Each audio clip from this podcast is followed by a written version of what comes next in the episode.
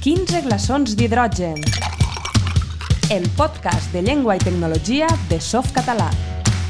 Amb Aleix Vidal.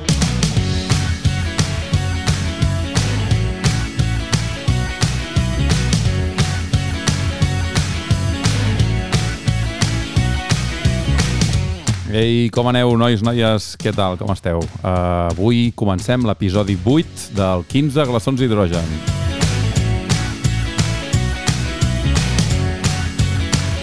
Avui la taverna s'omple d'oxigen. Oxigen ovoidal, que és el títol d'aquest episodi.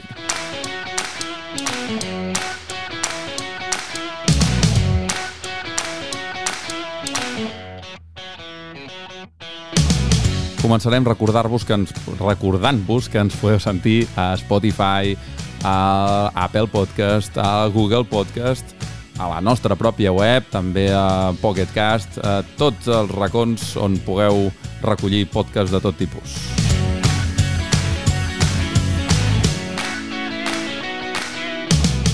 Fem un episodi cada mes eh, i us el portem l'últim cap de setmana de cada mes. Eh, el podeu escoltar quan vulgueu, evidentment, des del mòbil, des del cotxe, des de l'ordinador, a casa, a la feina...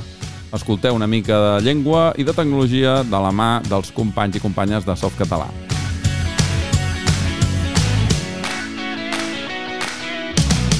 Avui us parlarem una mica de diferents eh, a punts d'actualitat de l'Audacity, de l'Inkscape, també us parlarem d'uns botonets que tenen forma de monstres, que ens han agradat molt, eh, del traductor, de l'alemany català, que ja en vam parlar, um, en Xavi ens portarà una nova perla del rebost, pararem taula amb Antoni Hermoso Polidor, uh, tindrem alguna etapa de refranys uh, nova, i a la barra ens trobarem amb en Jordi Mallac i en Xavi Bars, que ens explicaran interioritats tècniques i de sistemes de softcatalà. Segurament moltes coses que no coneixíeu.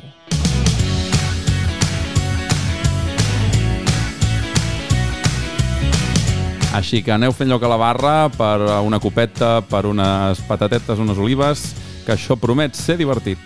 Vinga, som-hi!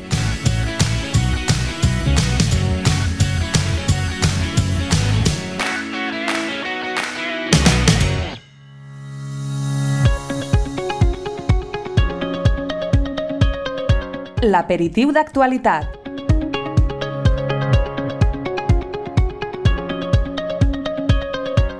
Doncs bé, us expliquem unes quantes uh, notetes d'actualitat. Avui no tenim a l'Artur Vicedo amb nosaltres, però el Xavi també ens donarà un cop de mà. Hola, Xavi, com estàs?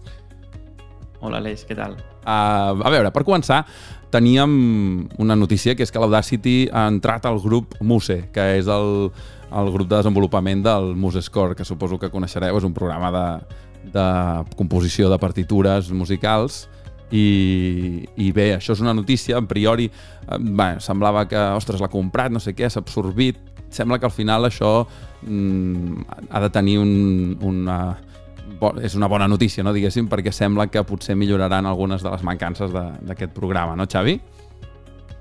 Sí, eh, Mus eh, és una empresa eh, una empresa amb afany de lucre, però que, que gestiona el, el MuseCore, que és un, és un programa de programari lliure, que vam parlar eh, fa uns quants programes en el rebost digital. Exacte, exacte, sí. I, i la veritat és que des, des que el Martin Kiri, eh, és, que es coneix per la xarxa com a Tanta Cruel, eh, és un, un youtuber i dissenyador eh, d'experiència de, de, de, d'usuari, des de que ell va agafar el comandament del, del MuseCore eh, ha millorat molt i, i bé, l'esperança és que faci el mateix a l'Audacity. Mm -hmm. De fet, uh, va, va fer un vídeo no? quan es va quan es va, quan va sortir la notícia aquesta de que Audacity agafava, o que Musescore, diguéssim, que ell agafava la, les regnes de, del desenvolupament d'Audacity, va fer un vídeo en el que destrossava, bé, molt dissimuladament i diguéssim amablement, però es fixava en, en petits eh, problemes que té la interfície d'Audacity, no? que jo també comparteixo, no? com el tema de les set lupes, no? que hi ha, un set, hi ha un set botons que són lupes i que no sí. saps massa per on agafar-ho, no? Sí, el, el Tantacrul és, és a més eh, youtuber i, i acostuma a fer vídeos d'aquests destrossant la interfície d'usuari de, de molts programes i de fet va començar a treballar en el, el MuseCore eh, així. Primer el va destrossar i, i després el van convidar a que, a que l'arreglara. I, I bé, una, una de les coses que ha passat és que el primer, un dels primers canvis de codi que, que s'han fet a l'Audacity just després d'entrar de, dins del grup va ser que van afegir telemetria per a, que, per a, per a qui no ho sàpiga és bàsicament eh, anàlisi de, de què s'està fent en el programa. Eh, captures de clics i, i estadístiques de quins són els menús que més s'utilitzen i coses d'aquestes. O sigui, que espiaven una mica l'usuari de, del programa, no? de què fa servir això, no? Sí, i, i tot i que eh, apareixia tant eh, a les notes eh, del programa com... Eh, bé, no és que ho amagaven, vale. mm -hmm. però sí que va, fer, va, va generar prou recel i, i, i, i de fet, molta, molt de rebuig. Eh, va haver molta gent que va demanar directament que, que es fes un fork i mm. al final han acabat per, per eliminar-ho. Eh, els, els desenvolupadors són justificats dient que eh, era, e, és una manera molt, necess... molt, molt bona per aconseguir millorar el programa, perquè bàsicament saben com l'utilitza la gent, quines funcionalitats sí que clar. utilitza, quines no. Clar, clar. Però, però després de tot el rebuig eh, ho han eliminat i han dit que intentaran aconseguir aquesta mateixa informació d'altres maneres. Exacte, a veure, a veure com ho fan. Mm -hmm. Um, bueno, hem de dir que Audacity és un, era un, és un programa de codi lliure, amb, amb molta comunitat, amb molts anys, per tant, bé, se suposa que aquest pas, doncs, doncs bé, té aquestes, aquestes dificultats, no? Però Eh, és un programa molt potent, eh? el que passa és que sí que és veritat que a nivell d'interfície hi havia algunes mancances que suposem que millorarà, millorarà bastant amb aquesta, amb aquesta nova empenta.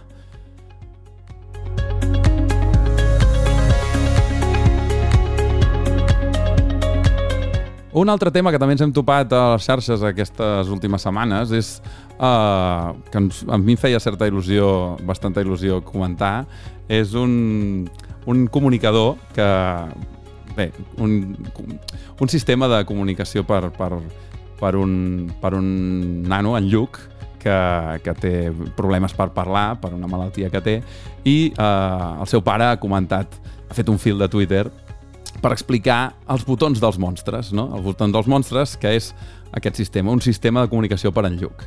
I eh, bé, uns quants membres de Soft Català ens va cridar molt l'atenció, ens, va, ens va agradar molt, i volíem comentar que perquè en realitat és eh, també és una tecnologia pel català, no? Eh, es tracta d'uns un, botons que, que han transformat el, el comunicador del Lluc, que era una targeta, diguéssim, amb lletres, amb les vocals a dalt i les lletres amb, més utilitzades en català, que, es, que tenen més freqüència en les paraules en català, a sota, no? les consonants.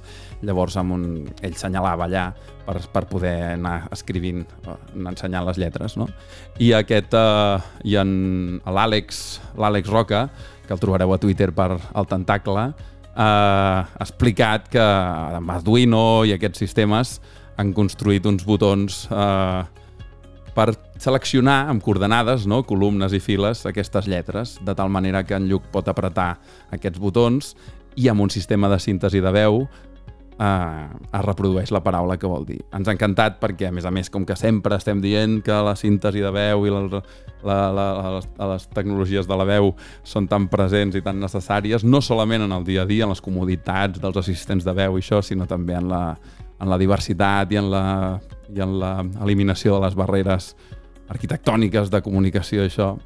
I no sé, Xavi, a tu si et va, et va agradar també, no? A part de que té un, un disseny divertit, però l'Àlex Roca ens va, ens va compartir aquesta, aquesta, aquest fil de Twitter que també trobareu a les notes del programa i podeu, i podeu investigar i entendre com funciona aquest comunicador per en Lluc. Sí, sí, la, la veritat és que és, és, és una, una, un projecte molt bonic. Eh, no deixa de ser semblant al que feien... Eh, a, a mi em va recordar molt els teclats dels, dels mòbils antics eh, que, sí. que al final acabaves escrivint lletres a, a partir de números. A partir de números, exacte, sí, sí. I, i, i no deixa de ser això un teclat, el que passa és que és un teclat amb, amb només eh, cinc, sí. cinc tecles i, i que això, seguint codis, eh, com has dit, eh, com bé has dit, eh, eh, basats en coordenades, li permeten al Lluc mm-hmm. poder, poder comunicar-se eh, de manera molt més fàcil amb, amb la gent que l'envolta. Sí, de fet el, es diu els botons dels monstres perquè per poder identificar bé aquests botons hi han posat uns, uns, uns botonets, diguéssim, que són uns ulls i llavors cada botó eh, té, el primer té un ull, el segon en té dos, el tercer en té tres i el quart en té quatre, l'últim no en té cap i llavors és, és com l'intro de fet per introduir el, la paraula i així de manera tàctil pot trobar de seguida a que la diferència entre cada botó, no? I com que tenen una pinta així de monstres, doncs es diuen els botons dels monstres. Bueno, com us dieu, si ho, si ho mireu a Twitter ja, ja ho veureu i us, jo crec que us enamorareu d'aquest sistema de comunicació d'en Lluc.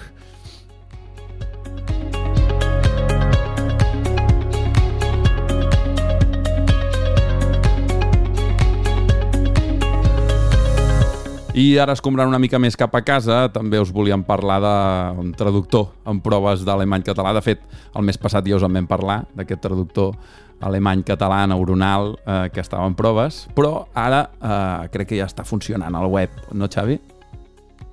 Sí, així és. Eh, el mes passat vos, vos ho comentàvem de que, de que l'havien posat en proves, però volíem fer eh, assegurar-nos que funcionava correctament, fer una miqueta més d'avaluacions, perquè ens, ens donava la sensació de que no, no anava tan fi com, com el traductor que, que ja tenim eh, anglès-català. I, però durant aquestes últimes setmanes hem estat, eh, això, hem estat fent proves i, i hem, hem vist que és cert que, que tot i que no funciona tan bé com l'anglès-català, hem vist que no és només el nostre. Sembla que per algun motiu eh, els traductors a l'alemany no funcionen tan bé. En fet, eh, de fet, el, el nostre eh, funciona... Eh, la qualitat és molt semblant a la, a la del traductor de Google, uh -huh. eh, que en el cas del, de l'anglès-català eh, funciona millor que l'alemany-català també en el cas de Google. O sigui que ens hem, ens hem donat per satisfets de moment i, i ja l'hem posat a, a la web. Eh, Bé, segurament és una qüestió... normal del traductor. Ahà. Dic, segurament deu ser una qüestió de, de lingüística, no? de l'alemany, de les particularitats de l'alemany. Uh... Sí, sí. Segurament, eh, eh, com que és una llengua més complexa, eh, els traductors neuronals eh, ho noten. I, i res, només, només un apunt que és que recordar que, que el, el corpus a partir del qual hem aconseguit entrenar este traductor eh, l'ha posat, l'ha replegat, diguem, eh, la Vicanova és un estudiant de, del màster de Tradumàtica amb, amb Jordi Mas, eh, el, el nostre gurú particular, fent, eh, fent tota la feina eh, d'entrenament del traductor. Molt bé. Doncs agraïm a en Jordi Mas i sobretot a en David Cànovas aquesta col·laboració amb Softcatalà.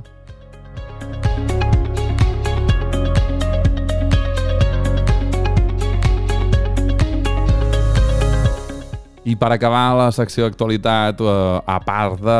Bueno, de fet, a, tot i que el, el, en el rebost digital en, en Xavi en parlarà, us volíem comentar que l'Inkscape ha tret una nova versió, 1.1, eh, aquesta, que és la primera, des de fa un any, diguéssim, nova versió.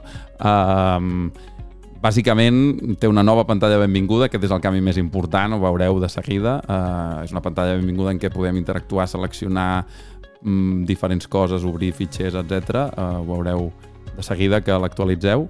I en general també té millores en les funcionalitats de copiar i enganxar eh, i en les àncores i a l'hora d'exportar imatges també han millorat els form té més formats i és més simple eh, l'exportació. De fet, hi ha una cosa que no sé si li ha passat a més gent, però quan a mi m'ha passat quan he hagut de transformar un vector, un, una imatge vectorial a, a PNG o a un format de mapa de bits, a l'hora de desar el fitxer et fa seleccionar on el vols desar i pretes desa i encara no s'exporta, has d'apretar després un exporta. Doncs això ho han canviat, ho han solucionat finalment i així ja no te n'oblides perquè alguna vegada havies donat per exportat el fitxer i no hi havia fitxer encara. Uh, també hi trobareu una versió beta d'un gestor d'extensions que facilitarà la instal·lació i l'actualització d'extensions. Però, Xavi, eh, que avui em sembla que en el rebost digital ens en parles, oi? Sí, eh, avui en el rebost entrarem una mica més en profunditat en Linkscape, eh, en la història del programa i, i què és el que fa.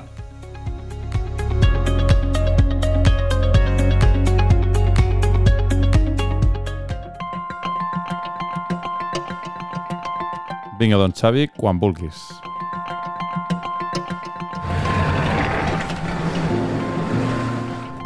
El rebost digital. Si bé fa uns programes vos van parlar del GIMP, avui volem presentar-vos un programa una mica relacionat, Linkscape. Linkscape és una eina lliure de dibuix vectorial, amb funcionalitats semblants als programes privatius Illustrator, Freehand i CorelDRAW, i fa servir el format estàndard de gràfics vectorials escalables, SVG. De manera ràpida, podríem dir que el disseny vectorial és aquell utilitzat per a dibuix i il·lustració, creació de logotips, etc. Una definició més acurada de disseny vectorial seria aquell treball fet sobre traços primitivament geomètrics, que permet ser processat per l'ordinador de manera més eficient que una imatge desada punt a punt. Rere un gràfic vectorial, per exemple un logotip, es troben punts, línies, corbes i polígons. Això permet que imatges enormes ocupen molt poca memòria si tenen línies regulars i colors plans. També permet modelar amb facilitat aquestes imatges, modificant les seues formes i dimensions. Linkscape va ser creat el 2003 com a fork del projecte Sodipodi, quan quatre desenvolupadors del projecte original van decidir enfocar-lo d'una altra manera, amb més pes per a la comunitat, i també fer canvis en l'arquitectura del programa. Linkscape ha tingut un desenvolupament lent però constant al llarg de tot aquest temps. Però l'any passat, l'any 2020, van decidir publicar la versió 1.0. Sí, després de 17 anys, els desenvolupadors finalment decidien que el programa mereixia una versió 1.0. Tot i això, a pesar d'haver estat tant de temps amb versió 0. del que siga, i tot i que la interfície sembla una miqueta rudimentària, és un programa extremadament potent. A les notes del programa vos enllaçarem un xicotet manual per aprendre un ús bàsic de l'Inkscape, programa que podreu descarregar des del web de Softcatalà i també, com en altres casos, vos animem a participar del projecte de traducció. Cal ajuda per a mantenir el programa traduït.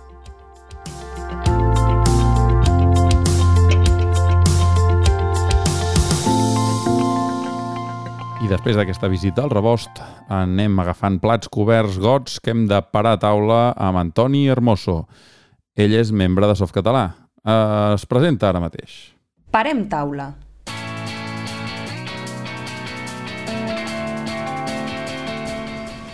Hola, em dic Toni Hermoso Polido i visc al barri del Clot de Barcelona, tot i que vaig passar la infantesa i adolescència a l'Empordà. Treballo com a bioinformàtic a un centre de recerca a la vora del mar, on proporciona diferents tipus de suport i consell a investigadors de l'àmbit de la biomedicina. Vaig començar a col·laborar amb Sofatalà cap al 2003, amb les traduccions i adaptacions al català del llavors eh, Mozilla, no sé si us en recordeu, i poc després també dels que serien els populars eh, navegador Firefox i client de correu Thunderbird. He de dir que actualment tradueixo molt menys. Tot i així, em destacaria programari com el MediaWiki, eh, la plataforma en què funciona la, la Wikipedia, o el Zotero, una aplicació de gestió bibliogràfica que hem sempre bastant en l'àmbit acadèmic. Al llarg dels anys també he estat col·laborant en diferents tasques de gestió web i d'administració de sistemes de soft català. I encara hi, hi m'he de donar un cop de mà. Anem a l'arròs?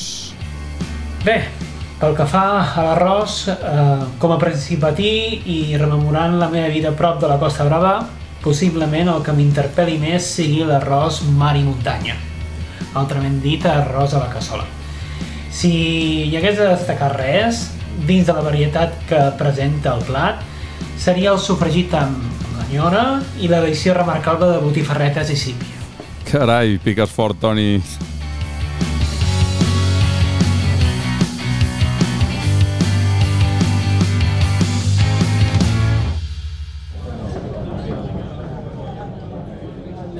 I amb aquestes delícies d'arròs la cosa ja comença a ambientar-se. Uh, com sentiu, cada vegada tenim més gent a la taverna i és el moment de presentar una tapa, una tapeta nova. Avui en tenim alguna que ens presenta, com sempre, en Josep.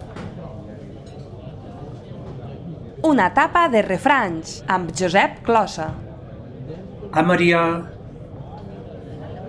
qui té el cul llogat no seu quan vol.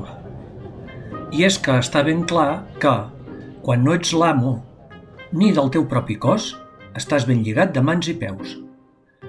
Tal com molt bé explica en Víctor Pàmies a 300 dites que faran història, sempre que el refranyer es parla de lloguer, es tracta de quelcom negatiu. Tan dolent és tenir el cul llogat com haver de vendre la casa i anar de lloguer. Segurament, avui en dia, i més després de passar diferents crisis de l'habitatge, i no sortir-nos-en del tot, obrir el debat sobre la conveniència o no de llogar, en lloc d'adquirir, podria dur-nos hores i hores. El que sí que obté més consens, però, és la propietat del cos de cadascú i la llibertat individual, perquè encara rai si només es tractés de seure quan un vol. Però això no es queda aquí. Així que, si pots ser ocell de bosc, no vulguis ser de gàbia. I, pels que sou negociants, un darrer consell. A bon mercat ixen diners i a bon lloguer feiners. Que ve a dir que qui posa preus econòmics guanya menys per unitat, però acaba venent més unitats i, per tant, el benefici total és més gran. Apa, siau!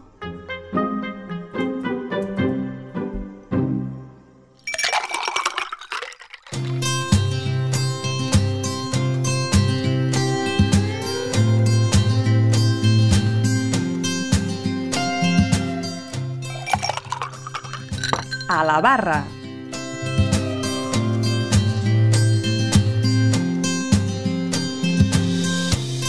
Encarem la recta final d'aquest episodi avui. Um, um, Recordant-vos que um, acabem el mes de maig i el mes de maig és un dels que ens porteu més feina, diguéssim. Eh? El mes de maig és un dels que té uh, les estadístiques de softcatalà del web uh, recullen més correccions del corrector i més traduccions, però amb diferència, eh? i cada any es repeteix.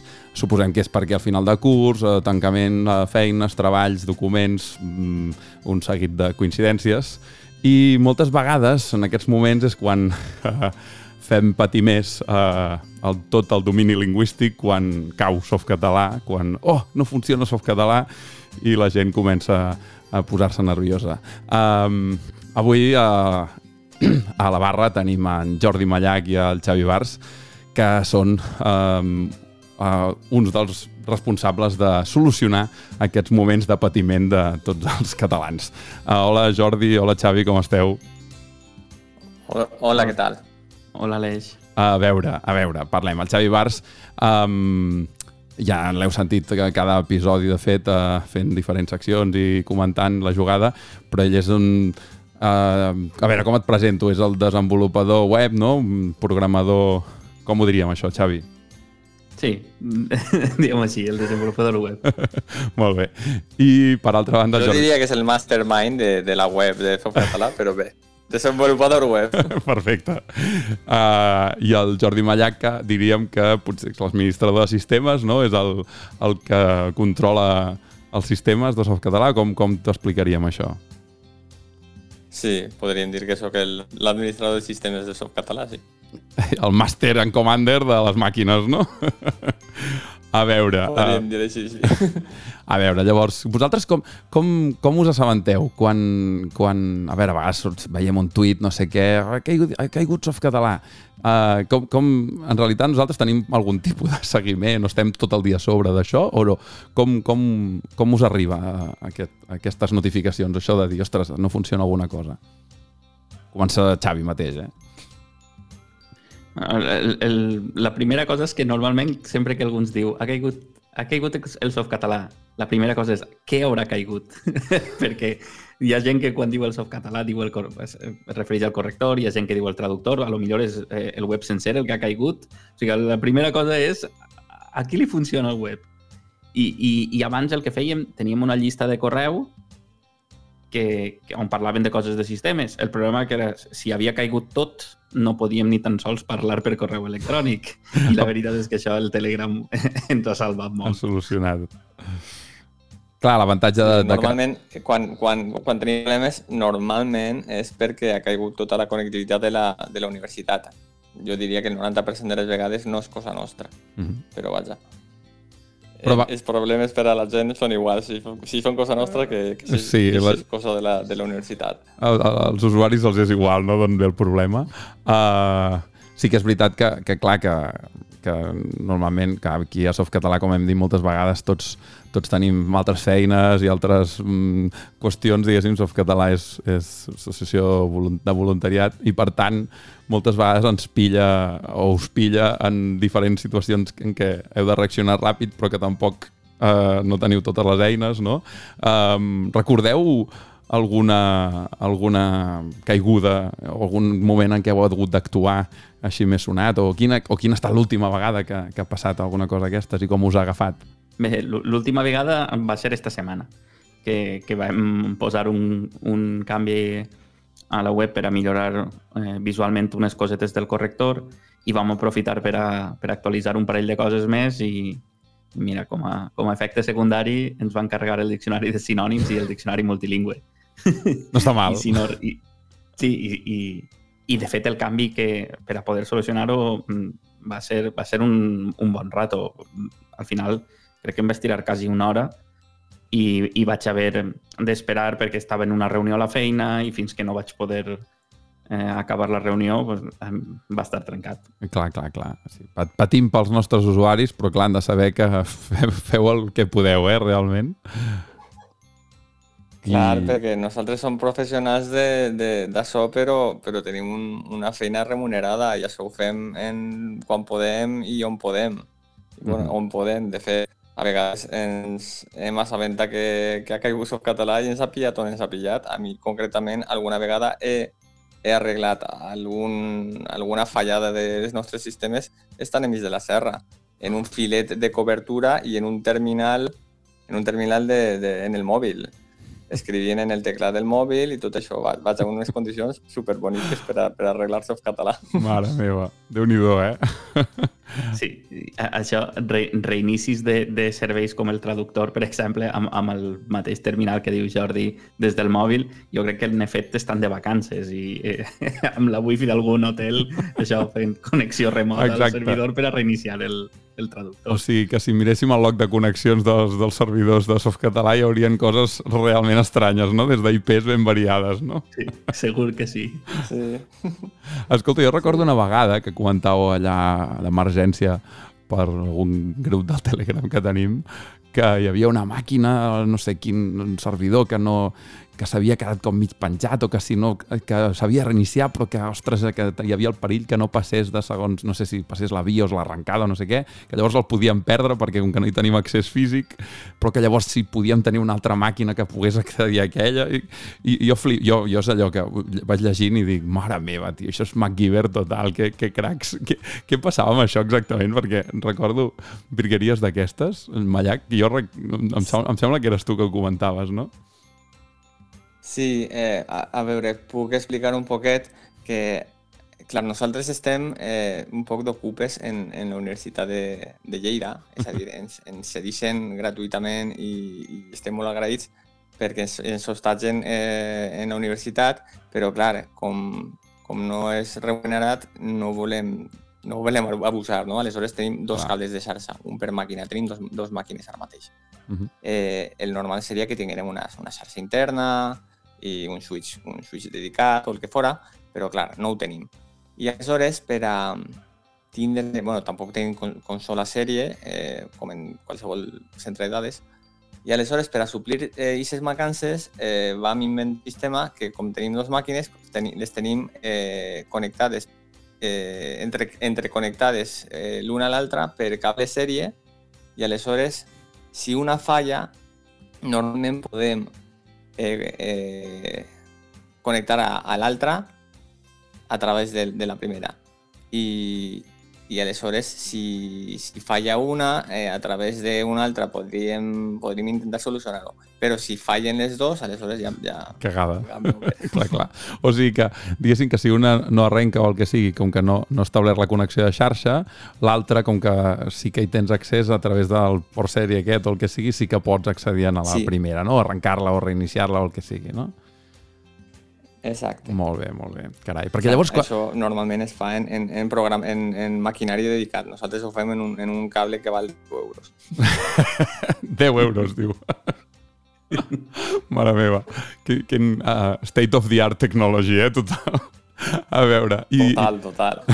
I llavors, que, que parlem de màquines. Llavors m'estàs dient, tenim dos màquines a, a la Universitat de Lleida, que ens fan el gran favor de, de cedir-nos aquest espai i tot, i, però tenim moltes màquines més, o, o Softcatalà, que, quins servidors té, o què, com, com, quina estructura tenim de- d'infraestructura, vaja. De, de fet, he dit que tenim dues màquines, però no és cert, perquè tenim una, una, una màquina auxiliar en la, en, en la Universitat d'Alacant. Ahà, i, i ara mateix la idea és que la, la utilitzarem en el futur per si cau el softcatalà de Lleida, que es puga posar en marxa alguns serveis mínims eh, que bàsicament serien traductor i, i corrector i, i una, suposo que una pàgina web estàtica amb el web. Eh, I és la idea, encara no està en marxa. vale. I, i també és un servidor de, de còpies de seguretat. O sigui que Per podem... Si n'hi haguera un incendi en, en Lleida, Vale. eh, tindré algo que recuperar en, en, en Alacant. O sigui que podem dir... La idea és podem tranquil·litzar els usuaris que tard o d'hora eh, caurà, si cau softcatalà, el corrector i el traductor, que són el que és més vital per tothom, pot- ser que continuïn eh, actius, no?, quan tinguem muntat això, Sí, en, en Ara algun mateix moment... està implementat, però és la idea, sí. en algun moment. És a dir, algun el moment en Lleida encara, encara n'hi haurà softcatalà. Va. Llavors tenim màquina a Alacant, màquina a Lleida... Eh, eh, en algun altre lloc també tenim algun servidor. No, no, ja ho tenim bé. Val. I llavors, per referir-nos i això, suposo que hi ha algun nom o... ten- Tenen noms les màquines aquestes? Sí, eh, de fet ara, ara bueno, ja sabeu que, que en, en la cultura així de, de, de, de, en el hackerspace i tot això, molts llocs tenen, tenen costum de, de mantenir un, un, un seguit de noms eh, relacionats entre ells per, a, per, a, per anomenar les màquines. no? Uh -huh. Aleshores, nosaltres actualment estem anomenant les màquines eh, fent referència a serres dels països catalans. Ah, I ara mateix la màquina nostra principal és Tramuntana. Tramuntana, la serra I la, i a Mallorca, no? I l'anterior es diu Pirineus Pirineus, i la que tenim a Alacant es diu, com no, com no podia ser d'una altra manera, es diu Bèrnia. Bèrnia. Molt bé. Llavors, perquè clar, i a més a més, no, les màquines que tenim actualment eh, no, són, no han sigut sempre aquestes, no? Diguéssim, s'han anat canviant o ja han Sí, tingut cada altres vegada- noms. Sí, hem anat renovant, sí. Uh -huh. Digues, Xavi, digues. I... Ah, perdó. No, Sí, no, sí, Xavi, no, Xavi, el- continua. Sí, que el que fem, el que fem normalment és que quan, quan en comprem una nova eh, retirem la més antiga. Uh -huh. Eh, fins a no fa massa, Pirineus era la màquina grossa, que de fet per això li vam posar aquest nom, perquè comparada amb l'anterior era molt més gran i vam dir, pues, Pirineus. I, i ara, eh, fa poc, eh, van posar en funcionament a Tramuntana i, i Pirineus s'ha quedat com a, com a la secundària. Uh -huh. I bàsicament és la- l'estratègia habitual. Eh, cada vegada que, que n'afegim una, la més antiga es retira. Va, i, o sigui que ara regna Mallorca, no, diguéssim? Però abans de Correcte. Pirineus que, ten, que teníem, una, en teníem una altra. Sí, Piri- Pirineus eh, realment va substituir a Montsec. Montsec. Eh, sí. Molt bé, molt bé. Crec, Ah, que, crec que Montsec va ser la Montsec, primera si no sabeu, que... és, és la serra que n'hi ha, que ha a Lleida. ah, sí, sí, sí. Molt bé. A veure, serres ens en queden moltes, eh? Uh, esperem que ens durin Sí. els servidors, evidentment, eh? Però, però tenim, tenim una bona una bona llista de, de noms de serralades catalanes o, o valencianes o, o balears, evidentment, eh? Sí. per, anar, per anar posant.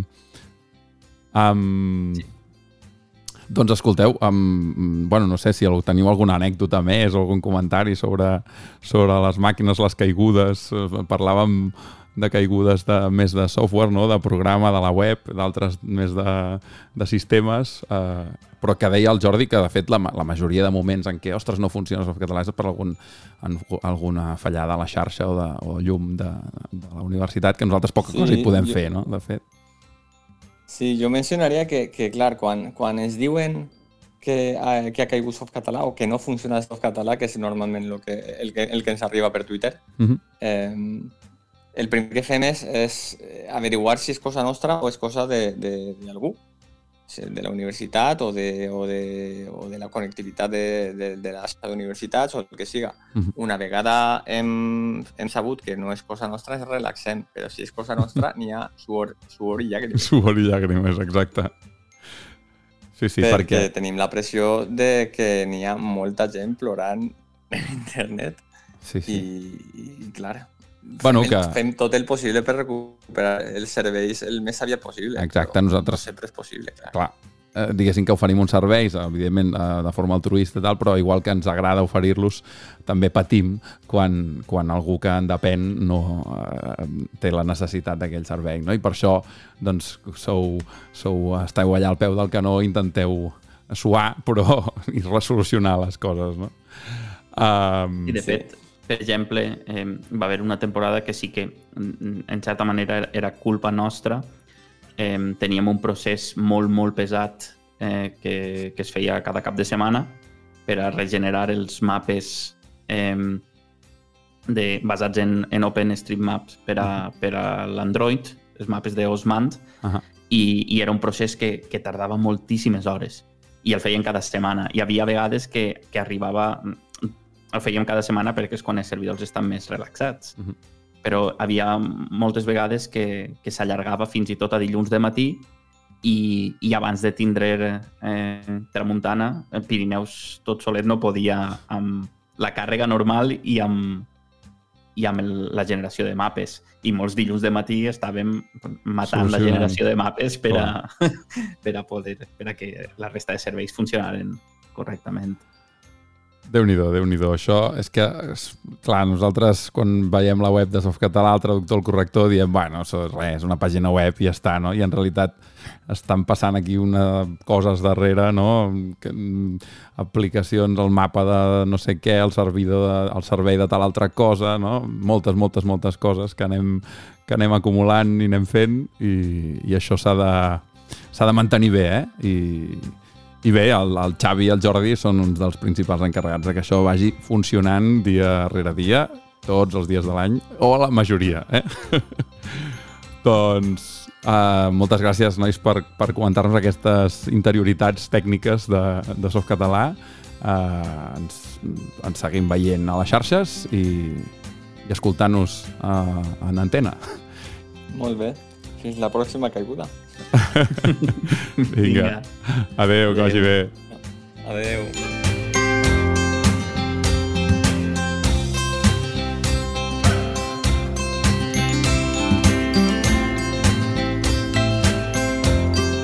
Fins aquí l'episodi número 8, eh, l'episodi de maig. Eh, a la pròxima vegada que ens sentiu ja serà a l'estiu. I això vol dir que encarem la recta final de la primera temporada del 15 glaçons d'hidrogen. Um, us preparem alguna sorpreseta per aquest tancament de temporada, però sobretot si teniu algun dubte, alguna pregunta, alguna cosa que vulgueu saber uh, de Softcatalà, no dubteu en comentar-ho a les xarxes, que des del podcast en podrem parlar. I amb el caloret del verano estic segur que us vindran de gust més glaçons. Així que us esperem al proper programa. Però mentrestant... Jove xef, porti whisky amb 15 glaçons d'hidrogen, coi! 15 glaçons d'hidrogen, el podcast de llengua i tecnologia de Softcatalà.